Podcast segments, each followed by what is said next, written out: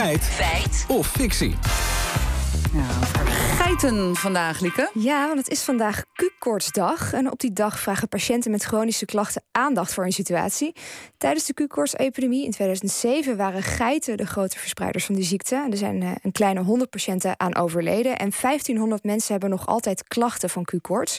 Vanochtend zei eh, Carolie van Kessel in het Radio 1-journaal... zij is de voorzitter van een stichting die zich inzet voor Q-koortspatiënten... het volgende erover. Dat de geitensector uh, stevig is gegroeid dat is een soort um, ja, miskenning van wat daar is gebeurd. Mm, ja, misschien hoor je ook, ook nog wel een beetje eh, angst voor mhm. herhaling hierin. Uh, maar, maar goed, je wilt natuurlijk weten of de geitensector inderdaad groter is geworden sinds de Q-koorts-epidemie. Ja, dat klopt. We zijn eerst wat dieper in het onderwerp gedoken. We belden met Arjan Stegeman, epidemioloog gespecialiseerd in dierenziekten.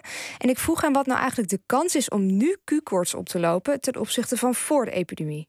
Volgens mij is het risico op uh, blootstelling van de mens door Q-koortsbacteriën sterk afgenomen. Omdat alle geiten in Nederland uh, op uh, commerciële geitenbedrijven die verplicht gevaccineerd worden jaarlijks. Ah, was dat voor die uitbraak ook al zo? Nee, want toen hadden we dus nog geen vaccin, zegt Stegeman. Dat is eigenlijk sinds het eind van de epidemie. want ergens tijdens de epidemie kwam het vaccin beschikbaar. Aanvankelijk was er geen vaccin geregistreerd. En uh, het, het, vaccineren van alle geiten is ook uh, ja, de reden geweest waardoor die epidemie destijds gestopt uh, is. Destijds gestopt is, mhm. maar betekent dat dat Q-koorts nu uitgeroeid is? Nee, dat dan weer niet. Kijk, dat zal nooit helemaal nul worden, want de Q-koortsbacterie die is heel erg resistent in de omgeving. Die komt, die komt eigenlijk algemeen voor, ook op rundveebedrijven komt die voor. Dus die is niet uit te roeien. Maar explosies zoals destijds bij de, bij de, in de geitenhouderij hadden ja, dat komt nu niet meer, uh, nu niet meer voor. Oké, dat klinkt alvast uh, geruststellend. Maar hoe zit het dan nu met het aantal geiten? Hè? Want daar ging het om mhm. in Nederland. Nou, daarvoor belden we agrarisch econoom aan de Universiteit van Wageningen, Jacob Jager.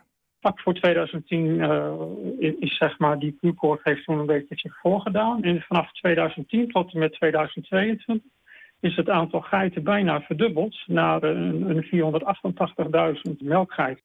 Oké, meer dan een verdubbeling. Maar na Q-koorts kwam er toch uh, een stop op nieuwe geitenbedrijven? Ja, de eerste provincie die met een stop kwam voor nieuwe geitenbedrijven was Noord-Brabant in 2017.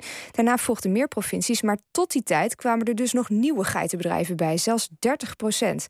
En nog veel belangrijker, bestaande melkgeitenbedrijven die nog ruimte in hun vergunning hadden om uh, uit te breiden, die mochten dat nog wel doen.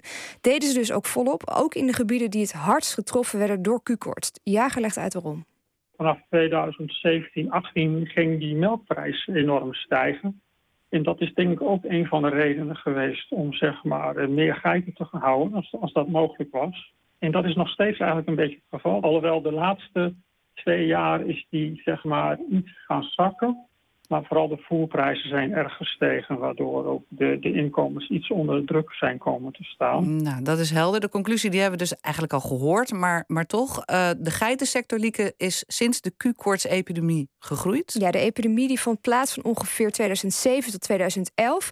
En sinds 2010 is het aantal geitenbedrijven toegenomen met maar liefst 30 procent. Het totale aantal geiten verdubbelde zelfs in Nederland. Dus het is zeker een feit.